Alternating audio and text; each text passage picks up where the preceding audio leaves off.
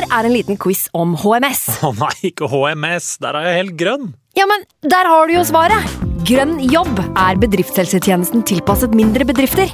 Våre HMS-eksperter hjelper mer enn 8000 bedrifter over hele Norge med alt fra lovpålagte HMS-krav til pålegg fra Arbeidstilsynet. Få på plass bedriftshelsetjeneste på grønnjobb.no. Hallo? Jeg kommer fra Oslo politikammer. Ine Jansen er purk. Er du purk? The motherfucking bitch. Alt jeg vil, er å finne ut hva som skjedde med mannen min. Jon Carew. Er jeg sikta for noe? Iben Akeli. Det er du. Ole So, Lars Berrum og Big Daddy Karsten. Hvem sin side er du på, egentlig? Anette Hoff, Tone Danielsen, Kommer du fra Afrika? Jørnis Josef, Nesten. Kløfta. Trond Espen Seim, Det er synd å si det, men det var feil mann som døde. Purk. Premiere tirsdag på TV2 Play. I can't believe it. Football, bloody hell.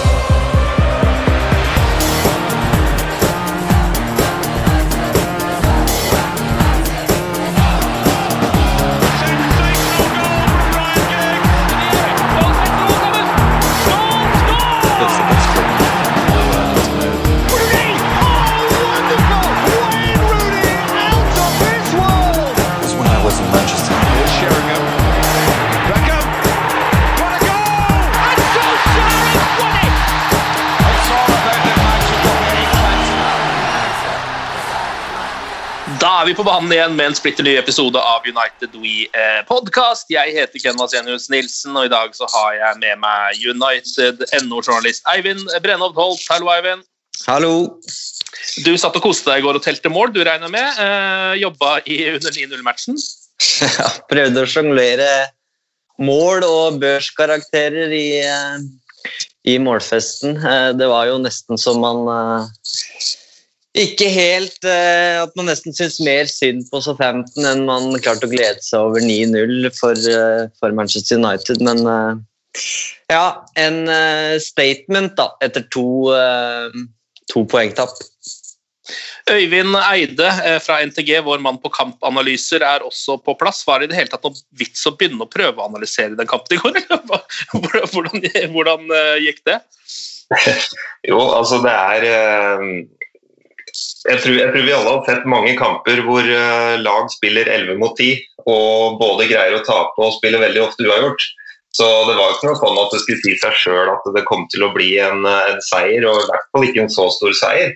Eh, Så jeg har gjort en analyse nå, og det er flere ting det går an å ta med seg i måten en del av målet er skåra på.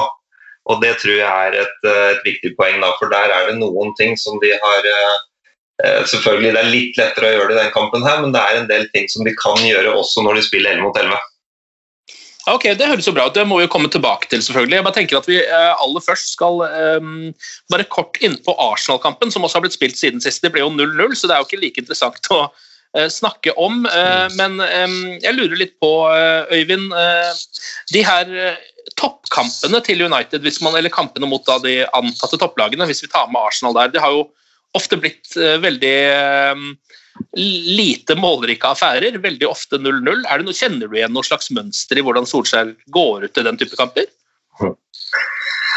Eh, jeg jeg syns Liverpool-kampene med en ukes mellomrom der illustrerer det egentlig ganske godt. fordi at de, Han har en litt mer sånn defensiv tilnærming til den første kampen. eh, mens den kampen de vinner da i, i, cupen uka etterpå, da har han gjort noen justeringer for å være mer offensiv. Og Det har vært litt sånn blanda, syns jeg, når Solskjær har møtt eh, en del topplag. Så har jo ganske mye egentlig handla om å bryte ned og kontre versus å ha et eget spill. da. Eh, Men det syns jeg i større grad mot Arsenal at eh, United hadde. Eh, Men de kunne nok fått bedre betalt også, da. Ja, ikke sant. Um, så Det har vel også vært litt gjennomgående kanskje i noen av de kampene. at, uh, er du ikke enig i det, Eivind, at man sitter igjen og føler seg litt grann snytt, selv om 0-0 er ok i mange av de eh, storkampene der?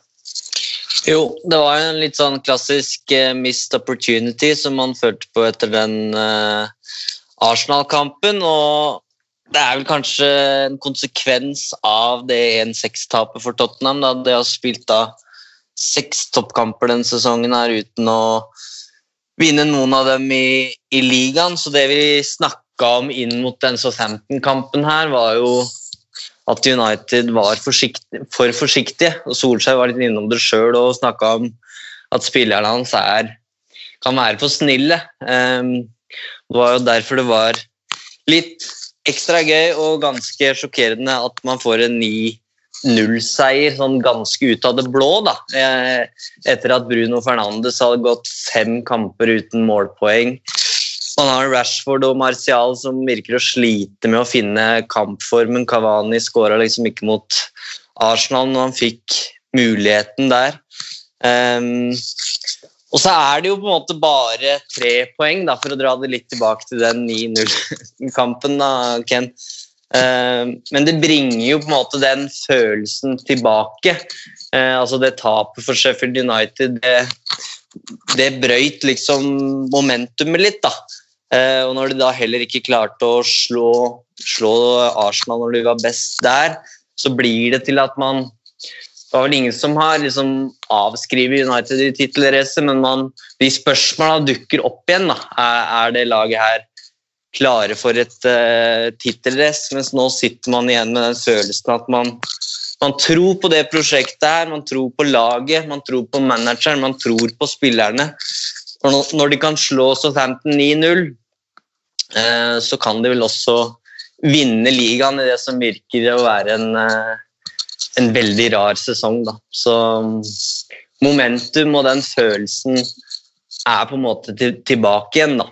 Um, og det skal Solskjær ha honnør for, syns jeg. La oss uh, snakke litt om uh, Southampton-kampen, eller snakke ganske mye om den. For det er jo mye som skjer. Uh, et resultat man som United-supporter kan oppleve hvert 25. år. Så det er verdt å måte, dykke litt ned i det når det først skjer. Kampen preges jo helt klart av at Southampton har mye skader. Sender inn på en totalt urutinert midtbanespiller, Jankiewicz, som altså blir utvist etter ja, det er vel et minutt det går. 80 sekunder. 80 sekunder, ja. Eh, stempler McTominay rett i låret. Eh, McTominay ligger igjen og har vondt og stygge merker på låret og ligger og banner og er skikkelig forbanna på Jankiewicz. For så vidt forståelig, men fortsetter allikevel kampen. Um, og Øyvind, altså, um, da, er jo, da, er det jo, 10 mot elleve da, men hva er det United uh, gjør så riktig som gjør at de klarer å utnytte det så maksimalt som de gjør i store deler av kampen her? Det første er jo at de, de skårer relativt tidlig. Eh, det, det, som vi ofte ser, er jo at eh, når, eh, når, det laget som spiller i undertall greier å holde nullen, og kanskje til og med også kontre litt og få noen, noen gode sjanser sjøl, så, så, utlignes litt den der forskjellen som er i det numeriske, numeriske antallet. Men her skårer jo United relativt tidlig, og når det da blir 2-0, da, da er det ikke noe tvil om hvor det her skal, skal ende. Uh, og da senker jo presset til, uh, til Southampton seg ganske mye og legger seg veldig, veldig lavt. Uh, og det er der det kommer en del, en del detaljer som jeg syns er litt interessante. da. Og ja, Vi kan godt begynne litt med, med de, så, så, er det en del ting jeg tenker at de kan dra lærdom av og dra med seg videre. Eh, det første er jo at de tar jo med seg mange spillere inn i boksen for innlegg. Altså, de hadde ganske mange innleggssituasjoner, og det er ikke så rart det, fordi at Southampton legger seg jo veldig lavt med to firere. Altså fire i backledd og fire i, midtbaneleddet der, det blir knalllavt. Så De kommer en del rundt på sidene og får en del innlegg. og Der har United mange spillere som fyller på veldig ofte, syns jeg. I tillegg så er de flinke til å komme med spillere rundt 16-meteren, det som Liverpool er fantastisk gode til. Eh, de skårer ikke alltid på det første innlegget, men de skårer veldig ofte på den ball nummer to som lander et eller annet sted i 16 eller ved 16. Eh, I tillegg så var de dyktige til å posisjonere seg eh, for å utnytte det overtallet de har, høyere i banen. For det er veldig sånn naturlig å tenke at de har jo overtall mot den ene stakkars spissen fra Southampton som, som lå der og fresa. Uh, hvor de f.eks. flytta opp McTominay da, opp i mellomrommet ved en del anledninger. og Han legger seg sånn at eh, forsvarsrekka til Southampton får utfordringer med hvor de skal være. for Da begynner de å forholde seg til både spisser og kanter som ligger der allerede. og Det kommer en midtbanespiller opp i tillegg. Så jeg syns de var gode til å posisjonere seg der, som gjorde at de kunne kombinere veldig fint. Eh, og det skapes en del også, også, på det. I tillegg så kommer de da og utfordrer bakfra med Maguire og, um, og Lindløp. Eh, som jeg syns de i større grad også kan gjøre i kamper ellers. Nå kom de kunstig høyt, da, ikke sant? de ble jo stående nesten midt på halvdelen til Southampton i en del perioder, og det vil jo ikke skje ellers. men eh, vi ser jo det på et City-lag f.eks. De er jo veldig gode til å komme med spillere bakfra som kan utfordre og dra på seg press, for å så spille inn i, inn i mellomrommet f.eks. og kombinere derfra. Så Det er noen sånne småting da, som, eh, som jeg syns de var gode på her. og Det tror jeg er veldig sånn bevisst fra Solskjær sin side også. Uh, når han gjør de byttene han gjør òg, og, og, og fyller opp litt med folk på de rette stedene. da. Kan jeg stille et spørsmål uh, til deg, Øyvind, angående det? Fordi min følelse var litt at bekkene var altså Nå rakk den jo Southampton til slutt, og Martial kommer inn og og driver liksom lekestue med Fernandes på slutten der. Men det er på en måte de som du er inne på, da, de første skåringene som måtte blir avgjørende. og Luke Shaw er jo involvert i de tre første, to målgivende og tredje sist på, på 2-0 der, og Van Bissaka skårer på den første. Eh, tror du Solskjær hadde mm, sett det her, at Southampton var sårbare eh, på sidene høyt i banen, eh, også med elleve mann, eller er det et grep som man gjør når de, når de får den tidlige utvisninga? Det, det, er litt sånn det er noen ting som bare skjer med lag som får, eh, får utviste spillere. Det blir ofte sånn at du velger om du spiller 4-4-1 eller 4-3-2. Og, og, uansett hva du velger med ti mann, så, så, vil du bli veldig smal. For du, du må jo nekte det viktigste stedet i banen, og det er jo Eh, sentralt rett foran mål, og så, og så, får du heller tåle å få noen innlegg. Eh, men det jeg syns de gjør der, da, som er eh, bra, synes jeg, det er at Greenwood og, og, og Rashford de posisjonerer seg eh, både litt inne i banen, men de legger seg liksom i sånn posisjon at de nesten alltid okkuperer bekkene til, til Southampton. Og Det gjør at det blir god plass for Van Bissaka og Shaw til å komme rundt. For mm. at Kantene til Southampton, som må høre til en midtbanefirer, de må være enda smalere enn vanlig, fordi de har ikke noe spissledd foran seg. så, så, så, det henger veldig sammen. ikke sant? Hadde de hatt to spisser foran seg, så kunne de ligge breiere i midtbaneleddet og kunne vært på dekt for bekkene. Men det, det, kunne de ikke gjøre nå, fordi de måtte nekte spill imellom inn til Fernandes og McTominay. Så, så det, det, tenker jeg da er et uh, bevisst grep, egentlig. Ja, man vet man får plass på sine fordi lag i undertall kommer til å være smale og dype. Men ved å posisjonere spillerne sånn som de gjør, med f.eks. Greenwood og Rashford, og okkupere de ytterste spillerne i backleddet, så vil bekkene til United få plass. Det som jo også er litt fascinerende her, syns synes jeg er jo at eh, altså som dere sier, så blir det jo mye, mye plass på bekkene i en kamp som dette her. Eh, men det har United hatt mange ganger før også, uten at det har nødvendigvis blitt så mye av. Og du ser jo at alt foregår på venstresida, og alt foregår eh, gjennom venstrebeinet til Luke Shaw. Um, og jeg tror vi kunne sett et, liksom en om ikke et uh, lignende kampforløp, så noe som kanskje ja, minna litt mer om dette i forrige sesong, og, og slett ikke vunnet kampen engang. Uh, hvis du skjønner hva jeg mener, for Luke Shaw har jo bare blitt enormt god ganske fort. Hva er det som har skjedd der, Evin? Nei, det var vel jeg som kritiserte den her i podkasten, og så har den ja. plukka opp det. Eh, nei, jeg, eh, mitt ankepunkt mot Shaw har jo vært at han har mangla spisskompetanse. Eh, og jeg syns jo han egentlig gjør utfyller rollen sin da, som venstreback på en generelt bare mye bedre måte. Øyvind kan sikkert si litt mer om spillet hans, men jeg tror jo inntreden av Alex Telles var viktig. Da fikk han en skikkelig utfordrer som han visste hadde den spisskompetansen i form av en skikkelig, eh, en skikkelig venstre fot. Eh, og så er han jo fast på laget og pådrar seg en skade, og Alex Telles går rett inn og vikarierer der med bravur. Eh, og så gjør Solskjær det som Mourinho aldri ville gjort. Han setter bare så rett inn på laget igjen. Eh, jeg mener det var mot Leipzig. Um, og gir på en måte Luke Shaw den tilliten da, uh, og sier at du er fortsatt min faste venstreback.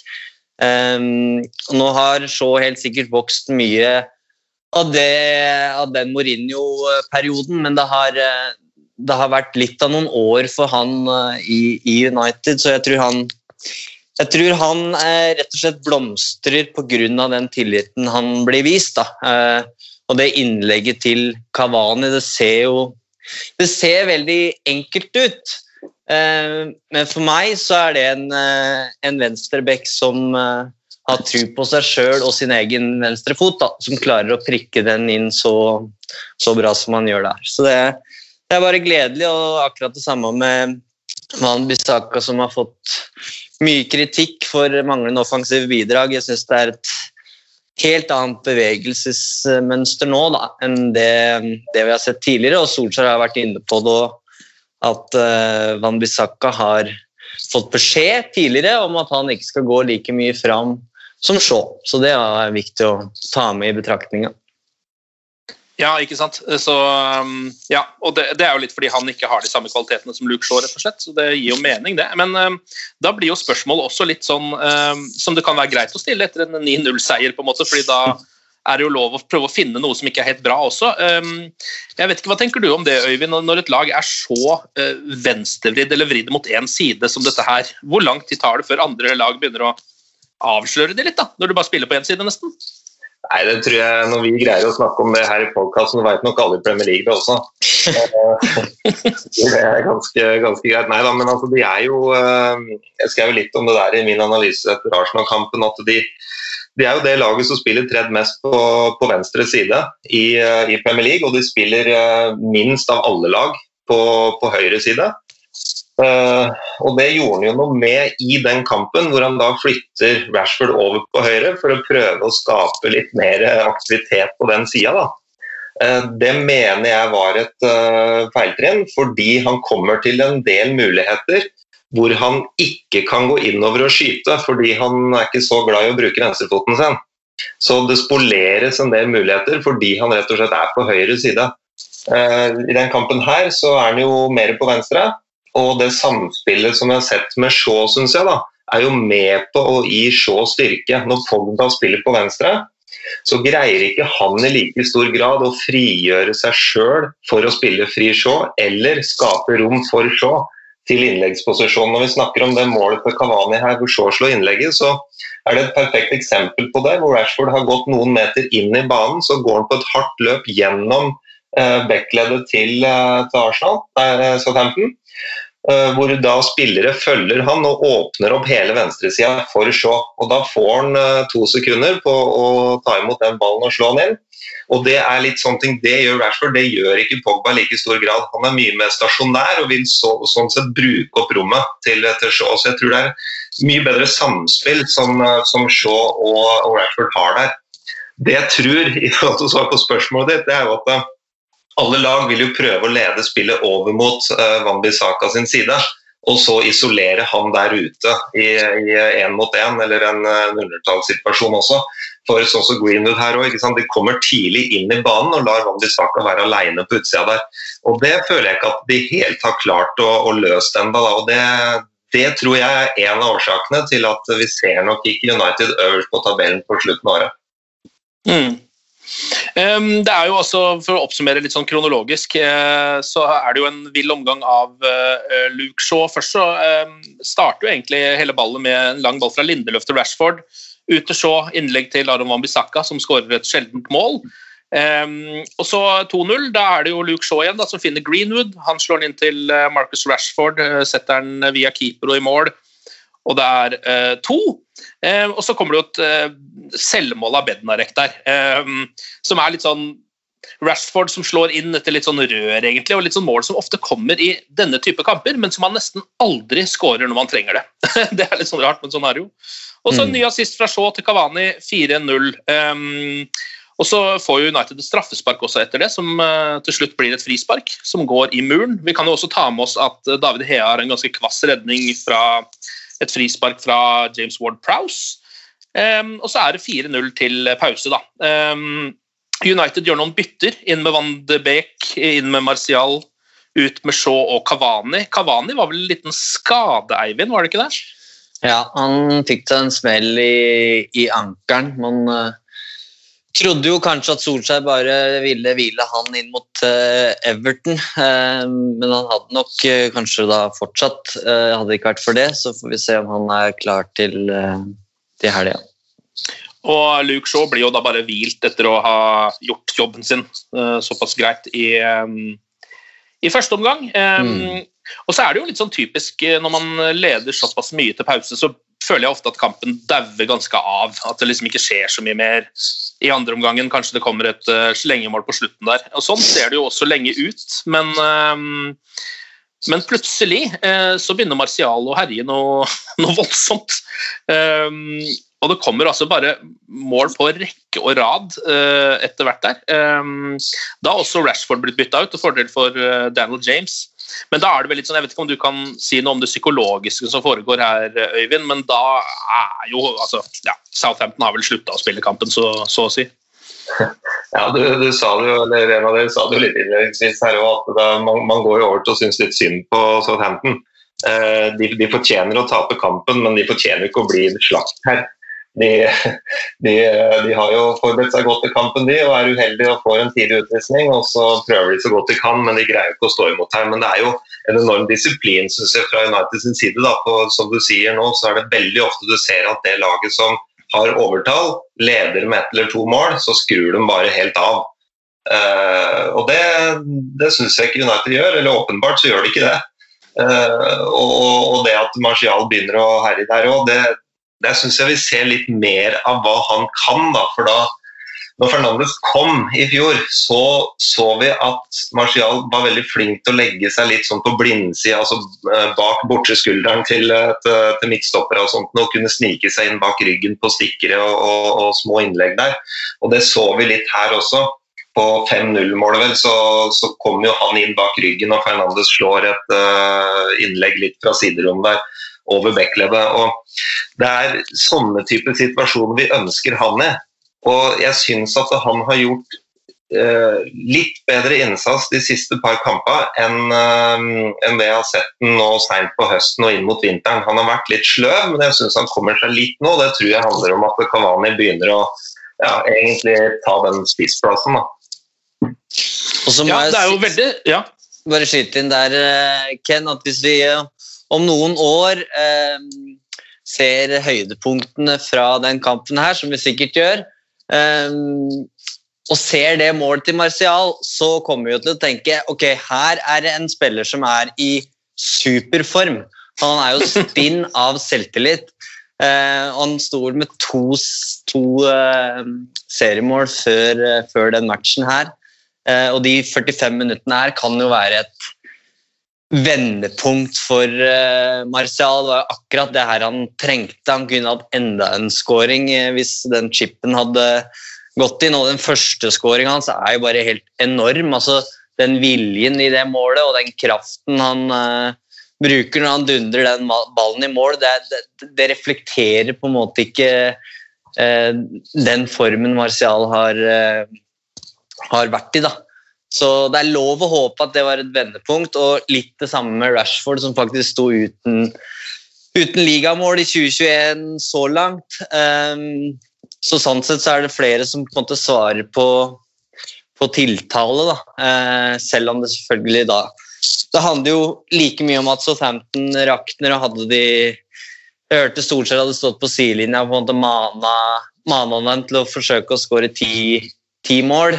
Og hadde Mike Dean eh, gitt så mange tilleggsminutter som det skulle vært, så kunne det vel fort blitt 10-0. Ja, det virka som det var bare litt sånn uh, barmhjertighetstilleggsminutter fra, fra Dean, men eh, det var ikke noe sånn veldig mye barmhjertighet fra ham ellers i kampen mot Southampton. det må jo sies. Eh, men det der målet til Martial der, det er jeg helt enig i, men det er jo en klasseskåring. Altså, eh, en fin vipp gjennom fra Bruno Fernandes, litt sånn klassisk Bruno-ball. Som ikke er så lett å jobbe med, for eh, Martial må ta den på kassa. Han må vende av et par folk og bare banke den opp i nettaket. Det er liksom, det er ren klasse, rett og slett. Um, og så kommer det jo en litt sånn McTominay spesial. Han er utrolig god til å prikke inn baller fra retterrommet. Altså når ballen bare kommer ut der, det setter han ofte. altså. Litt sånn som det her. Um, en nydelig scoring som Donny van de Beek holder på å ødelegge, fordi han er litt keen på å touche borti ballen der. Eh, Jeg vet ikke om han var i offside eh, og sånn at det kom til å bli annullert, men du så i hvert fall trynet til Donny van de Beek på reprisen etterpå. Jeg vet ikke fikk med deg det. Det var sånn Å nei, det holdt jeg på med! Ja, der, det ble mål, det var bra. Ja. Og så kommer det jo en situasjon som folk er veldig opptatt av på eh, fotball-Twitter. Eh, 82 minutter spilt, Martial er eh, gjennom. Blir hindra av Bednarek. Faller veldig lett. Eh, og det er det første reprisene viser, at han nesten faller før han blir på en måte toucha på, ser det ut som på reprisene først. Eh, og så begynner de å bli veldig opptatt av en spesiell vinkel hvor man så vidt ser at Bednarek tråkker han litt på hælen, eller er litt borti eh, Antony Martial. Denne går til VAR, og da tror jeg alle som ikke uh, heier på Manchester United, bare er helt sikre på at dette kommer til å bli filming. Um, at VAR kommer til å se på det, og så kommer det ikke til å bli noen ting. Eh, men så skjer jo på en måte det omvendte. at Det VAR er ute etter, er å vise at han er sistemann, så dette skal også være rødt kort. er det de Mm. prøver å hinte til, og det blir det jo også på Bednarek til slutt. Strengt, hvorvidt det er riktig eller ikke, vanskelig å si. Jeg vet ikke, Øyvind, har du noen eh, meninger om en sånn situasjon? Nei, altså, det er litt sånn derre eh, Hvordan skal man se kampen som helhet versus eh, regler?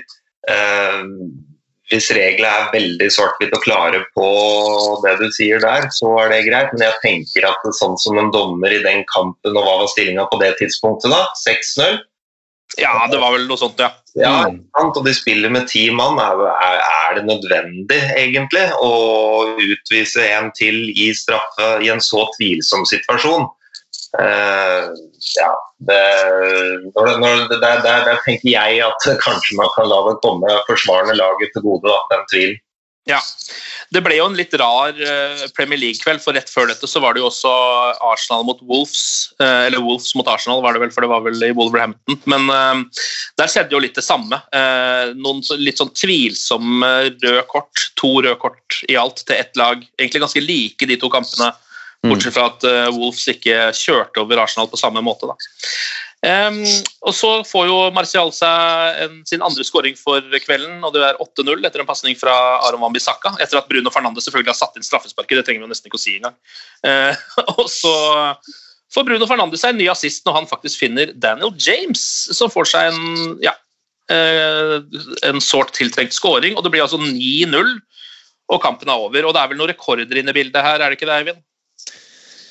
Jo, eh, 9-0 eh, var jo Uniteds største Premier League-seier eh, mot Ipswich i 95, da Andy Cole skåra fem mål. Eh, Og så er det litt forskjellig. Det er jo sju forskjellige målskårere her da, i, altså i Manchester United-sammenheng. Åtte med Bednarek eh, selvmålet, da. Det er første gangen det har vært åtte forskjellige målskårere på skåringslista, for å si det sånn, da, i Manchester Uniteds historie, mens det har vært sju. Det sju målskårere fra Manchester United har det vært um, i en ti én kamp mot Wolverhampton, tror jeg det var i 1892 eller noe sånt. Så det, det er en historisk eh, match. Eh, Solskjær på en måte med en ny sånn rekord og fjær i hatten, selvfølgelig. Og så må jeg bare trekke det fram igjen, at jeg lar meg imponere over hvor beherska han er eh, etterpå. Det er liksom ikke noe tegn til adrenalin, og vi var på en måte selvfølgelig på vei på utkikk etter liksom det seiersbildet av Solskjær i, i går på United.no. På samtlige bilder så ser det ut som han har tapt 9-0 og ikke, ikke vunnet. Eh, og det er ikke noe nødvendig, det er ikke noe gærent i det, altså, men det er, han lar seg virkelig ikke rive med, da, selv om han åpenbart har, har drevet gutta sine fram for å vinne så mye som mulig, og helt sikkert er veldig fornøyd med det. Så, så er det noe med den kontrollen han viser, utviser, da, som gjør at man uh, har litt mer troa på det her enn man hadde for et år siden. Ja, alt i alt så er det jo en perfekt kamp sett med United-øyne. De eh, ikke bare vinner masse, får eh, bygd opp litt målforskjell. Nå har de vel eh, tangert Liverpool sin målforskjell også. Um, og I tillegg så er det for de hvilt spillere. De får flere spillere som sliter litt på skåringslista. Alt ser egentlig ja, bare helt tipp topp ut. Jeg vet ikke om det er noe mer dere vil si om den kampen, gutter, før vi rusler videre? Nei, Jeg kan fylle på det med, med hvordan Solskjær framstår. Da. Så er det jo, tror jeg, i den kampen her litt sånn at uh, når de kommer til pause, så er jo kampen allerede avgjort. Uh, du leder jo 3-0, er det vel? 4-0, ja. Mm, Fire, ja. mot, mot ti mann. Eh, så jeg tror liksom den bearbeidinga av seieren og den gledesrusen den tror jeg på en måte har lagt seg litt gjennom, eh, gjennom kampen, da, rett og slett. Eh, så jeg tror nok handler litt om det også. Men det Solskjær også skal ha skryt for, er at jeg syns han har stått veldig stødig i veldig mye forskjellig vær som har vært på Old Trafford gjennom den perioden han har sittet der. Også. For det har vært både oppturer og nedturer, og det har vært store berg-og-dal-baneturer. og nå syns jeg at den kursen her ser veldig bra ut akkurat nå. Og det skal han ha ære for, men også fordi at andre i klubben har gitt ham den tilliten til å stå der også. Absolutt. Um, nå er det jo da um, Everton hjemme på uh, lørdag. Et lag som jo uh, har en god sesong, er i ganske ålreit uh, form. hvordan ser dere på Uniteds sjanser mot, mot Everton? Nei, det er, jeg syns sjansen er større nå enn før avspark mot Southampton, i hvert fall. Det, vi veit jo godt hva selvtillit betyr i, i, fotball. og Nå har jeg nevnt det flere ganger, da, men det, det var jo angrepsspillere her som har slitt med å, å, finne formen, som på en måte fikk Kanskje fikk et vendepunkt da, i den kampen her, og man går inn til den Everton-matchen med et helt annet utgangspunkt, syns jeg. Eh, nå tapte jo Everton eh, for Newcastle sist, vel. Ehm, så det er eh, Det bør jo være muligheter, og Solskjær har både gode og dårlige minner derfra. Så det, det er en vrien, en vrien match, da. Men troa på seier er jo der absolutt. Det, det, jeg tror, det jeg tror, da, hvis jeg skal spå litt, jeg håper at Everton eh, spiller samme type forsvarsspill som de eh, har gjort de siste kampene i midtbaneleddet sitt. For da har de en tendens til å markere med de to sentrale midtbanespillerne sine. Eh, og det vi så i forrige kamp, var det vel, for Everton, så, så ble de strekt litt i bredderetning, dvs. Si hver sin vei, fordi de fulgte hver sin spiller. Så det ble store rom imellom. Og det er jo et rom hvor Fernandes kommer til å trives veldig, veldig godt i. Så, så, jeg håper at de kommer på samme måte, for de har jo Cavert Lewin der og veldig ivrig på å presse, sånn at det blir også rom mellom spissledd og midtbaneledda. Så jeg, jeg, tror at det kan bli en veldig god kamp for, eh, for United, da. Hva med det rent sånn psykologiske, da, Øyvind? Du som har trent lag selv. Jeg vet ikke om dere vant 9-0 så veldig ofte, men uh, hvordan er det å på en måte skulle omstille et lag til å spille en kamp eh, mot et lag som jo i utgangspunktet er sånn omtrent like gode eh, på papiret. Eh, og det er også hjemme. Det er jo en del likheter, på en måte. Er, jeg, jeg, tror det beste er å trekke fram de eh, gamle statistikkene fra, fra Drillo. Som, eh, som, viser det at lag som vinner med mer enn fem mål, eller taper med mer enn fem mål, de vinner sjelden neste kampen. Eh, eller det, vil si det, det, laget som vinner med mer enn eh, fem mål, det, det, vinner sjelden neste kamp. Og det laget som taper med mer enn fem mål, det taper sjelden neste kamp. Så det er jo en utfordring i forhold til det å klare å gjenskape eh, prestasjonene her. Men jeg tror det at eh, de, er, de har vært såpass dyktige synes jeg, da, på å liksom ta med seg det som er de gode tingene fra dårlige kamper. og Eh, eh, ta med seg de, eller forbedre de dårlige tingene fra gode kamper. Så jeg tror det at de kommer til å møte Everton på en veldig edruelig måte. Da. Jeg, tror ikke, jeg tror ikke de vil få noen særlige problemer med det, og de ser det at de har fortsatt hengt på, på, City og sånne ting. Så jeg tror det har fokuset framfor at de fortsatt driver og feirer eh, seieren mot Southampton. Mm. Så syns jeg det var interessant etter den 3-2-seieren mot Liverpool. Da fikk jo Solskjær spørsmål om hva slags statement eh, det var, og da sa han ok, la meg svare deg på det når vi har møtt Sheffield United. Nå vil jeg se hvordan eh, også hva slags mental tilstand de gutta her er i på treningsfeltet i morgen. og Jeg skal sørge for at fokus er inn mot den kampen mot Sheffield United, og at vi gjør jobben der. Og så husker vi jo godt hvordan det gikk. Um, men forrige gang de møtte Everton, som var i ligacupen i kvartfinalen, det var jo faktisk kampen etter at de hadde slått Leeds 6-2, så de har jo, de har jo klart, det, klart, det, fint uh, før, men nøkkelen blir jo holdt på å si styre flyten. Da. Man skal ikke føle at man eh, nødvendigvis kan gå på vannet, samtidig som, eh, som du skal ta med deg momentumet fra den 9-0-matchen. Men som, som Øyvind er inne på, da, det, den kampen her var jo avgjort veldig lenge. Eh, så det betydde jo at han bl.a. kan spare, spare et par spillere, og kan til og med De kan nok ha retta liksom fokus inn mot neste kamp ganske raskt i, eh, i garderoben der. Da. Det var ikke noe sannsynligvis ikke noe behov for å debrife den kampen der. Uh, bare ett spørsmål til deg, Øyvind, hvis det går bra, Ken. Ja, ja. Eh, du nevnte Bruno Fernandes. Han har jo nå gått eh, som jeg var inne på i sted, noen kamper uten, uten, målpoeng og kanskje ikke virka like skarp som tidligere. Har du sett hva lag gjør for å stoppe Fernandes? For det er jo, det er jo oppgave nummer én for Uniteds motstandere. Det ser jo de fleste. Mm. Ja, og det er, det er synlig på to måter. da. Eh, det ene er å holde midtbanespillerne, dvs. Si McTonney og Fred f.eks., eh, feilvendte eller legge tidlig press, sånn at de ikke kan være rettvendt mot midtbaneleddet til, eh, til motstanderen og få lov til å spille igjennom. Hvis de greier det, så betyr det at pasningen til Fernandes veldig ofte da vil komme fra backleddet. Og da er pasningen lenger, noe som gjør at uh, forsvarende lag får bedre tid. For tida jobber alltid for det forsvarende lag. Mm. Det er det ene virkemidlet. Det andre det så vi litt mot, uh, mot Arsenal. Da vi så at uh, Sjaka fulgte Fernandes i en del tilfeller. Han rett og slett kjørte godt gammeldags frimerke i en del situasjoner. Og Da, da betydde det at sånn som når,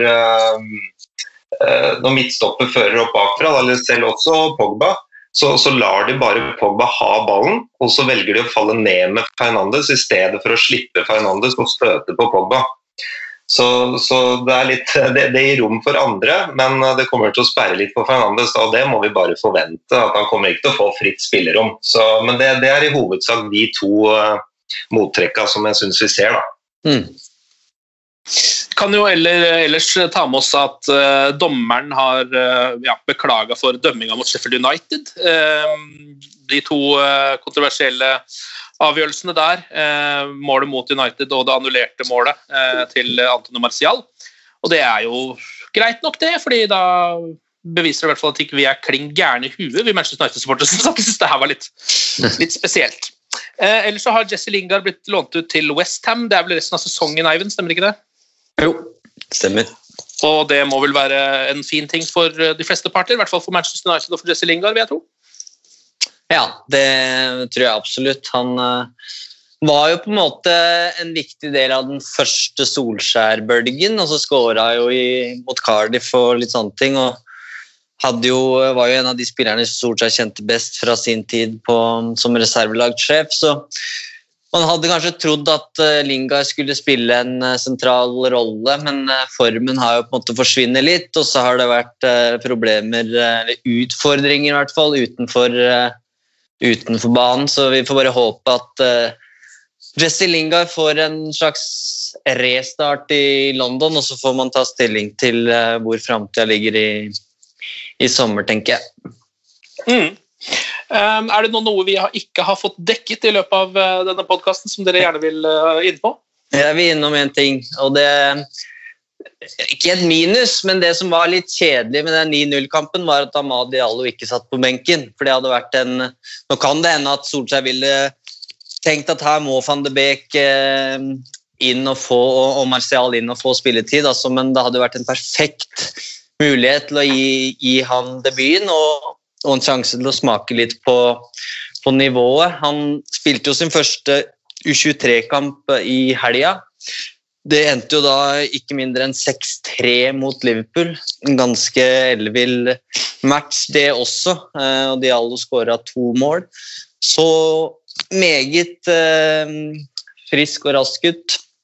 Så det er ingen tvil om at det, de, den hypen om talentet hans det stemmer nok ganske bra, men vi må jo se en i aksjon for førstelaget før vi trekker noen eh, konklusjoner utover det. Ja, og Det gleder jeg meg skikkelig til, kjenner jeg.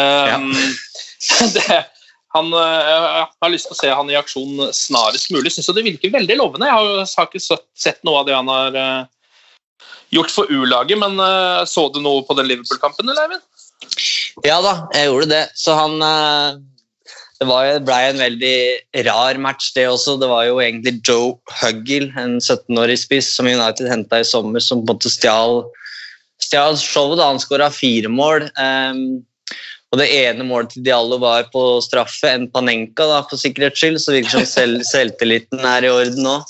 Uh, og det første målet det var 1-0-skåringa, hvor han eh, utnytter et uh, svakt tilbakespill og, og scorer ganske enkelt. Men du ser på en måte mm, de der eh, ekstremferdighetene hans, da, som handler om fart og, og teknikk og hvor god han er én mot én. Så det er en spiller med et veldig spennende ferdighetsregister. da, som eh, Det eneste jeg er spent på, er eh, fysikken. Han er jo en liten fyr, eh, men eh, det er jo en argentiner i Barcelona som ikke er så høy heller, så eh, Ja, Cristiano. Ronaldo var liten en gang, han også. Så, Ja. så det er, men eh, er dette en uh, spiller som blir kvalm og får diaré hvis han spiller på høyre, eller? eller, går det greit? Hun snakker jo om at han er en veldig anvendelig spiller som også kan spille i den tierrollen og god med, med begge bein. Så det Nå vet jeg ikke hvilke personlige preferanser han har, men det La oss håpe og krysse fingrene for at uh, vi får en spiller som kan, uh, kan spille der. Ellers så syns jeg Greenwood ser bedre og bedre ut Ja, ja for hver kamp som går. Øyvind, noe du brenner inn med før vi gir oss? Nei, jeg tenker at litt sånn som uh, er inne på her òg, hva, skjedde mellom eh, Liverpool-kampen og Sheffield United-kampen, så er det litt sånn nå også. Jeg tror det kommer til å gå veldig bra nettopp fordi at den smellen kom for ikke så lenge siden. Eh, men eh, de, de møter et Everton-lag som jeg tror vil passe de veldig bra. da. Så det tror jeg de veit nå hva som kommer til å trengs for å vinne den kampen. Så jeg, jeg, jeg er spent på hvordan det kommer til å gå, men jeg er ganske sikker på at det kommer til å gå, gå bra. Jeg syns det kan være et godt eh, siste ord. jeg. Så Øyvind og Eivind, tusen takk for praten, og glory, glory.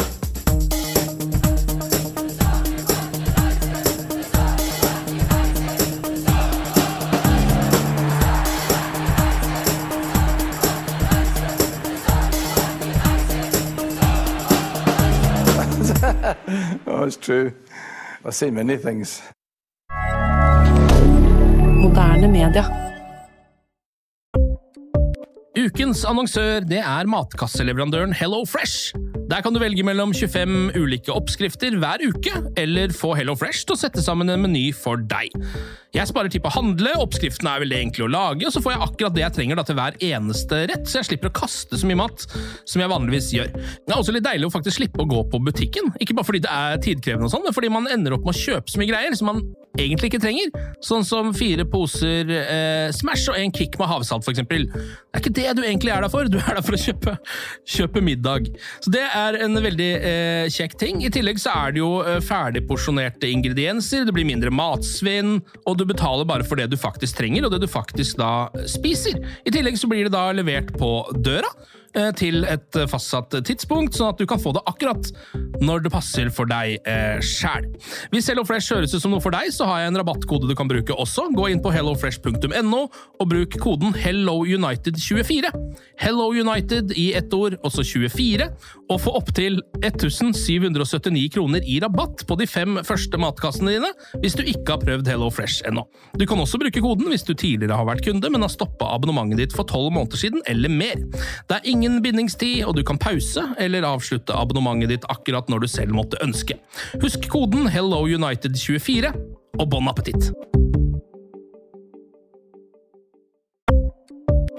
Ukens annonsør er Folio, en smartere banktjeneste for deg som har en egen bedrift eller ønsker å starte for deg selv. Folio er en superenkel nettbank for bedrifter. Som kunde i Folio får du en bedriftskonto med et bedriftskort og app. I denne appen er det smarte løsninger som forenkler regnskapet ditt, uansett om du har en liten bedrift eller et enkeltpersonsforetak. Folio er både intuitivt og brukervennlig, og er laget med et enkelt språk. I tillegg tilbyr de forutsigbare priser og ingen skjulte gebyrer. Skulle du likevel trenge det, så kan du snakke med deres raske og hyggelige kundeservice, og der får du prate med en faktisk person og ikke en chatbot. Folio er med andre ord både enklere og koseligere enn banken. Over 10 000 bedrifter har allerede valgt Folio som sin banktjeneste, så besøk folio.no og se hvordan Folio kan forenkle din hverdag også. Har du et enkeltpersonforetak eller en liten bedrift? Da er du sikkert lei av å høre meg snakke om hvor enkelt det er med kvitteringer og bilag i fiken, så vi eh, gir oss her, vi. Fordi vi liker enkelt. Fiken superenkelt regnskap.